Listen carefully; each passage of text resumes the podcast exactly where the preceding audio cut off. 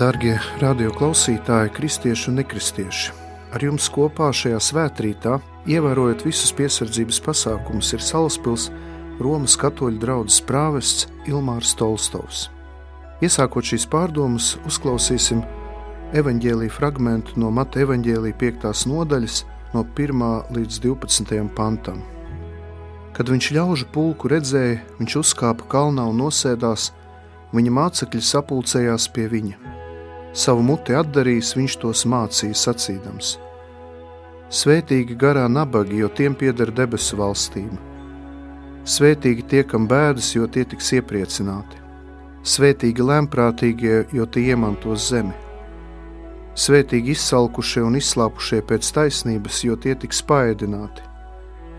Svētīgi žēlsirdīgie, jo tie dabūs žēlastību. Svētīgi sirds šķīstie, jo tie dievu redzēs. Svētīgi miera nesēji, jo tie tiks saukti par dieva bērniem. Svētīgi taisnības dēļ vajātie, jo tiem pieder debesu valstība. Svētīgi jūs esat, ja jūs lamā un vajā, un ar meliem par jums runā visu ļaunu manis dēļ. Esiet priecīgi un līksmi, jo jūsu alga ir liela debesīs, jo tā tie vajājuši praviešus, kas pirms jums bija. Tie ir svēto rakstu vārdi.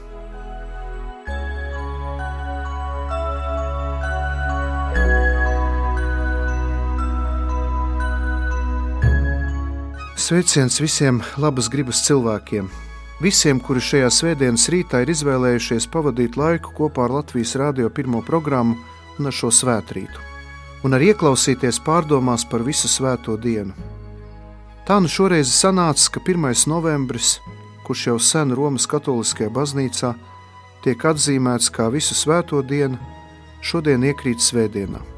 Tad nu pārdomāsim, ko nozīmē svētums šodien, mūsdienās un vai ir vērts kļūt par svēto. Varbūt svētiem šodien nav būt moderni, un uzdosim jautājumu, vai svētums ir aktuāls mūsdienās, vai svētums nav kāds svētulīgums vai tikai izlikšanās. Savas šodienas pārdomas sadalīšu vairākos posmos. Pirmajā daļā runāšu par pēcnāves dzīvi, vai mēs tai ticam un vai tā pastāv. Pēc tam pārdomāsim par iespējām, kur cilvēks var nonākt pēc nāves debesīs, ellē vai šķīstītavā. Un trešajā daļā pārdomāsim to, kā tad būt svētam šodien, jau šeit uz zemes, dzīvam esot. Visu svēto un mirušo piemiņas dienu svinības aicina mūs katru pacelties no savas ikdienas horizontālas uz pārdabisko vertikāli. Esam aicināti arī sev uzdot pašus svarīgākos mūsu dzīves eksistenciālos jautājumus. Kas es esmu? No kurienes es nāku un uz kurien dodos. Kāds ir manas dzīves mērķis? Daudziem cilvēkiem tieši šie jautājumi ir aizveduši pie ticības, arī mani. Tieši tad, kad es 19 gadu vecumā sāku uzdot šos dziļos jautājumus, kas notiks pēc manas nāves, kādēļ es dzīvoju, kāda jēga ir manai dzīvei, tā sākās mans ticības ceļš. Ir svarīgi šo jautājumu risināšanu neatlikt uz vēlāku laiku. Kas notiks tad, kad es nomiršu? Pēteris Kļava sociālajā projektā rezervēts ir izteicies, ka pēc nāves mēs nonākam kaut kādas augstākas realitātes stāvoklī. Viņš uzsver, ka pēcnāves dzīvē ir jābūt. Bet mani neapmierina tik izplūdes un ezotērismu vai gnosticismu piesātināts pieņēmums. Jēzus Kristus dod skaidru atbildi ikvienam, Jēzus var teikt, piepildi šo izplūdušo daudzās tautās jau klātesošo nojausmu par aizkapa dzīvi. Katehizmā mēs lasām, ka Dievs mums ir devis dzīvību, lai mēs viņu pazītu, viņam kalpotu, viņu mīlētu un tādējādi nokļūtu paradīzē. Mēs esam aicināti uz mūžīgo dzīvi pēc nāves, uz svētlaimi debesīs un tādējādi mēs kļūstam par dievišķās dabas līdzdalībniekiem un mūžīgās dzīves līdzmantiniekiem. Šāda svētlaime kopā ar Dievu nav aptverama ar prātu un ar cilvēciskām spējām vien. Tā ir nepelnīta Dieva dāvana. Tāpēc arī šī dāvana, šī iespēja tiek saukta par pārdabisku, tāpat kā žēlastību, kas dara cilvēku spējīgu ieiet dievišķajā priekā. Tātad mūsu tēvija ir debesīs. Zenta Mauriņa teiktu, manas saknes ir debesīs. Kristietis, pieņemot kristības sakramentu, nomirst vecajam cilvēkam, vecai dzīvei. Kā kristiešiem mums ir dāvāta jaunas dzīves perspektīva, dzīve atjaunotnē, dzīve garā. Vecais cilvēks ir piesis krustā. Nāvei vairs nav varas pār mums. Runājot apakstuļa Pāvila vārdiem, pirmajā vēstulē korintiešiem 15. nodaļā, nāve, kur ir tava uzvara, elle, kur ir tavs dzelonis. Šodienas svētkiem ir vēl kāds interesants aspekts, jo uzreiz pēc visu svēto dienas, kas norāda uz mūsu katra dzīves galamērķi, ieiešanu debesu valstībā, uzreiz seko 2. novembris, kas ir mirušo piemiņas diena. Jau visu svēto dienas vakarā pēc svinīgā dievkalpojuma dievnumos tiek ienests katafalks, jeb simbolisks zārka atveids, vai melns četrstūra auduma gabals saukts par calunu, ko ietver četras aizdegtas sveces katrā no stūriem, kas simbolizē mūsu tuvinieku un reizē arī mūsu katra kapa kopiņu, kapa bedri, kurā katru no mums guldīs. Tomēr šajos svētkos, arī kapu svētkos, iemirdzas kāda cerības nots. Nāve ir uzvarēta ar Kristus uzvaru. Nāvei nav pēdējais vārds mūsu dzīvē. Kristietis ir cerības cilvēks, kurš skaidri apzinās, ka eksistē pēcnāves dzīve un ka pateicoties Jēzus Kristus nāvei pie krusta un augšām celšanās notikumam, mums katram ir dota iespēja ieiet debesu valstībā uzreiz pēc nāves. Kristietis mirst, lai dzīvotu, lai augšām celtos kungā. Varbūt tieši tādēļ, varbūt tikai Latvijā aizlūgums par mirušiem, kas notiek parasti vasarā, sauc par svētkiem, kuri tiek svinēti kapos. No vienas puses ir klātesošas sēras un skumjas par aizgājušajiem, bet no otras puses ir prieks par cerību, ka ir miruši augšām celšanās. Ik viens no mums jau kristības brīdī tiek aicināts nomirt garīgi, lai pēc tam, kad pienāks fiziskā nāve, tā mūs vairs nespētu atraut, atdalīt no Kunga Jēzus Kristus, kurš ir mūsu pirmais mīlējs, un kuru mēs, pateicoties intensīvām personīgām attiecībām, jau šajā dzīvē esam iemīlējuši. Lai jau šeit, tagad savas dzīves laikā kopā ar Svēto apakstuli Pāvilu mēs varam teikt: dzīvoju vairs nes, bet manī dzīvo Kristus. Tagad pāriesim pie mūsu otrā aspekta, jautājot par to, kur tad mēs pēc nāves nokļūsim. Labi, esam noskaidrojuši, ka mums tiek nodrošināta pēcnāves dzīve. Ļoti interesanti, ka pēcnāves dzīvei ticēja arī senie latvieši, piemēram, barojot veļus. Arī citās reliģijās un primitīvajās pagānisma sistēmās ir klātesoša ideja par aizkapa dzīvi. Bet jautājums ir šāds, vai pēcnāves dzīve mums pienākas automātiski, vai tomēr tā ir jānopelna, un ko par to saka kristietība.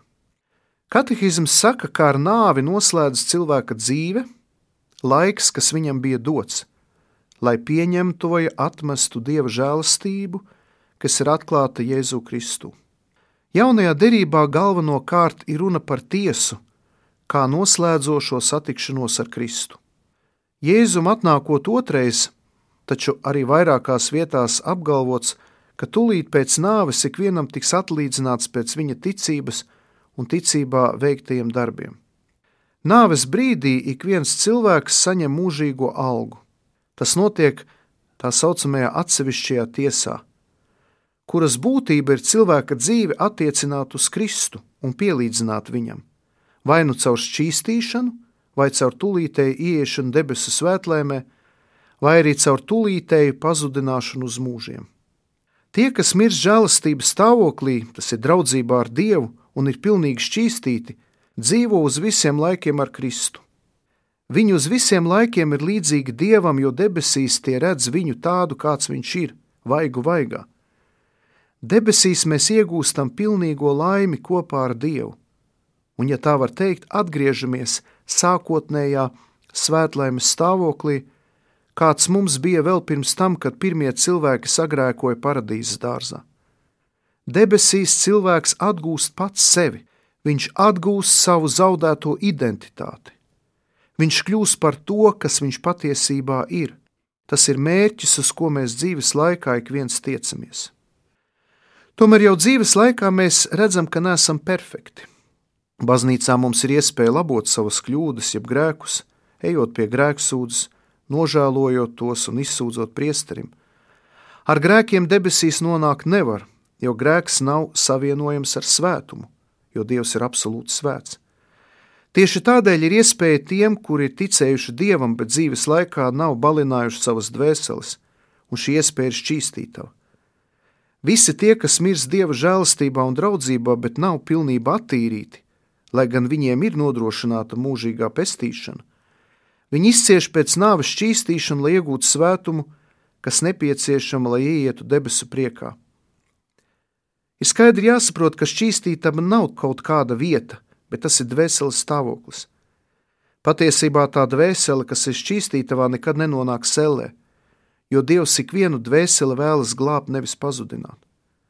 Daudzi kristieši, kaut ir arī kristīti, tomēr nedzīvo pēc dieva un baznīcas likumiem, nemīl dievu un tuvāko, un tādēļ nāves brīdī vēl nav pilnībā izlīguši ar dievu. Dievs, kas ir absolūtais labums, kas ir mīlestība, kas ir svētums, nevar pie sevis pieņemt kaut ko, kas vēl nav pilnīgi šķīsties. Tādēļ ir nepieciešams šis attīrīšanās, šķīstīšanās process. Dievs dod visus nepieciešamos līdzekļus, lai mēs būtu šķīsti pēc nāves. Ja cilvēks nav šķīsties šeit virs zemes un mirst ar kaut kādiem grēkiem, tad ir nepieciešama šī attīrīšanās. Katoliskās baznīcas katehisms saka, ka Mēs lūdzamies par mirušajiem, īpaši svētajā misē, arī dažādos aizlūgumos, kapusvētkos mirušo piemiņas dienā. Un baznīca aicina aizlūgt par mirušajiem, lai palīdzētu viņiem ātrāk iet no šķīstītavas debesu valstībā. Kristieši ar lūgšanām un ar dažādām praksēm var palīdzēt mirušajiem dvēselēm. Nevaram arī domāt, ka mēs ar saviem spēkiem kaut ko paveiksim – jo Kristus ir izlējis savas asinis par katru cilvēku, un visu spēku mēs saņemam no Viņa. Šajā gadījumā mēs lūdzoties par mirušajiem bērēs kapusvētkos mirušo piemiņas dienā, un katrā dievkalpojumā lūdzam Kristum palīdzēt mirušajiem šķīstīties no visiem grēkiem. Protams, ka vēl pastāv arī elle, kas ir reāla, un tajā nonāk tie, kuri spītīgi un apzināti līdz pat pēdējiem brīdim noraida Dieva žēlastību un atgriešanos pie Dieva. Katehisms uzsver, ka mēs varam būt vienoti ar Dievu tikai tad, kad brīvi izvēlamies viņu mīlēt. Mēs taču nevaram mīlēt Dievu, ja smagi sagrēkojam pret viņu, pret savu tuvāko vai pret mums pašiem. Pirmā Jāņa vēstulē, trešajā nodaļā ir teikts, kas nemīl, tas paliek nāvē. Ik viens, kas ienīst savu brāli, ir slepkava, un jūs zināt, ka neviens slepkava nepatur sevī mūžīgo dzīvi. Nomirt smaga grēka stāvoklī, nenožēlojot grēkus un nepieņemot dieva žēlsirdīgo mīlestību, nozīmē palikt uz mūžiem šķirtam no dieva saskaņā ar mūsu pašu brīvo gribu. Un šis stāvoklis, kurā mēs paši sevi galīgi izslēdzam no kopības ar dievu un svētlaimīgajiem, tiek apzīmēts ar vārdu elle. Baznīcas mācība apstiprina to, ka elle pastāv un tā ir mūžīga. Galvenais elles sots ir mūžīga atšķirība no dieva, kas vienīgais cilvēkam var dot dzīvību un svētlaimi, kurai cilvēks tika radīts un pēc kuras viņš arī tiecas. Dievs nevienu nenolemj ellei, lai tajā nonāktu pašam cilvēkam brīvprātīgi un apzināti būtu jānovērš no dieva un jāizlem tajā palikt līdz galam. Un trešā mūsu pārdomu daļa ir saistīta ar svētumu. Tātad esam noskaidrojuši, ka pēc nāves varam nonākt debesīs vēlē, jo šķīstītava ir tikai stāvoklis, lai dvēseli attīrītu līdz tādai pakāpei, lai tā varētu nonākt debesīs. Debesīs nonāk tikai svētie, bet kas ir svētums un kā mums katram to sasniegt? Svētums ir veids, dzīvesveids, ar kura palīdzību mēs šeit uz zemes jau varam sagatavoties debesu dzīvei, dzīvei debesīs kopā ar Dievu. Daudziem mūsdienu cilvēkiem svētums saistās ar visu cilvēcisko un pasaulīgo saišu saraušanu un pilnīgu noslēgšanos no visa, kas ir pasaulīgs. Var teikt, aizbēgšanu no šīs pasaules. Ja dzīvojam šādos priekšstatos, tad patiešām svētums var šķist atbaidošs un nepievilcīgs. Jo liekas, kā var savienot pārdabisko pasauli ar šīs zemes laicīgām un ikdienišķām rūpēm. Šķiet, ir tik grūti dzīvot starp divām pasaulēm, būt aktīvam šeit uz zemes, savas dzīves laikā aktīvi iesaistīties visos šīs zemes dzīves procesos un vienlaicīgi būt dziļi iesakņotam debesīs. Tomēr atrisinājums ir Jēzu Kristu, kurš paveica cilvēciski neiespējamo. Viņš sevī savā dievišķajā un cilvēciskajā dabā apvienoja, savienoja dievišķo ar cilvēcisko. Dievišķajam un cilvēciskajam paliekot tādam, kāds tas ir. Kristu arī mēs paliekam pēdiņās normāli cilvēki, ar miesu un asinīm ar savu cilvēcisko ierobežotību un reizē arī ar visām mūsu cilvēciskajām dāvanām un talantiem. Jēzu Kristu mēs kļūstam normāli svētie. Autentisks svētums neiznīcina, neizkropļo mūsu dabiskumu, tāpat kā dabiskums netraucē normālam svētumam.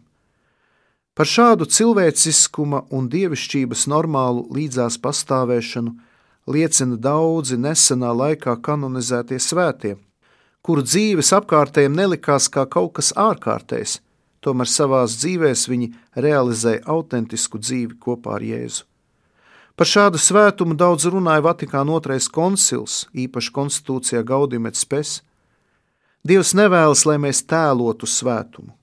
Dievs nevēlas no mums samākslot, uzspēlētu svētumu, svētulību, bet vēlas, lai mēs paliekot patiesi cilvēki, tiektos uz debesīm un tiktu patiesi pārveidoti Kristū.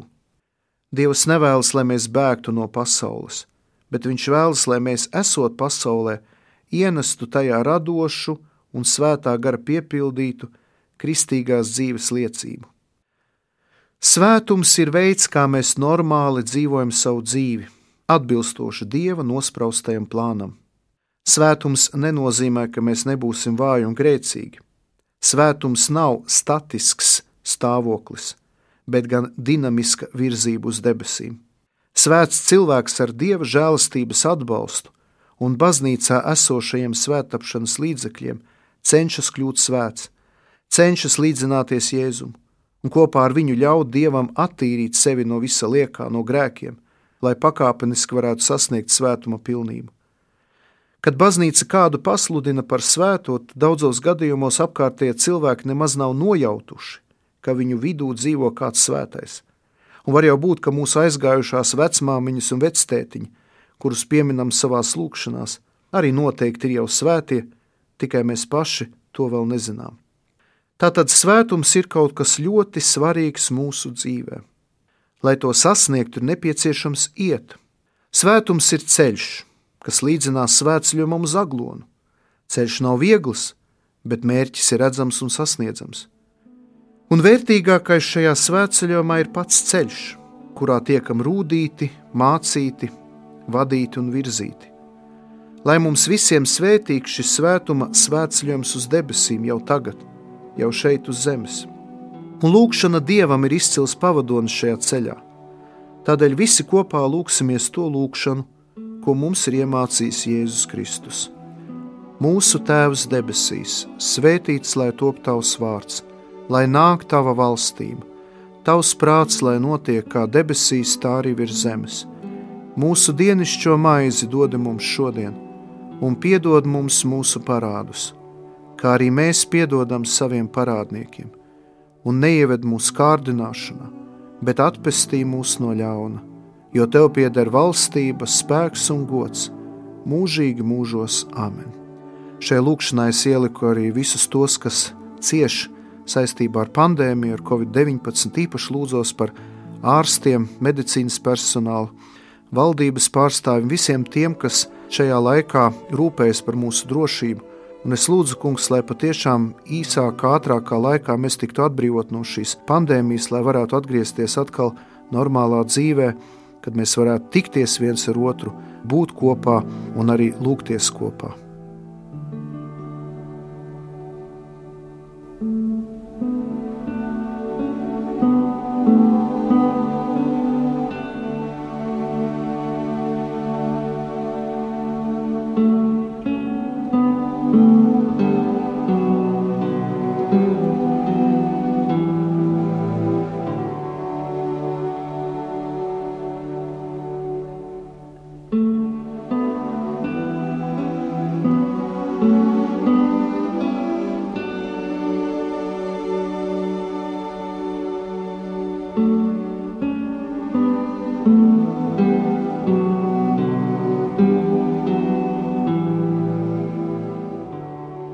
Ar jums kopā šajā visu svēto dienas agrējā rītā bija Salaspils Romas katoļu draugs prāvests Ilmārs Tolstovs.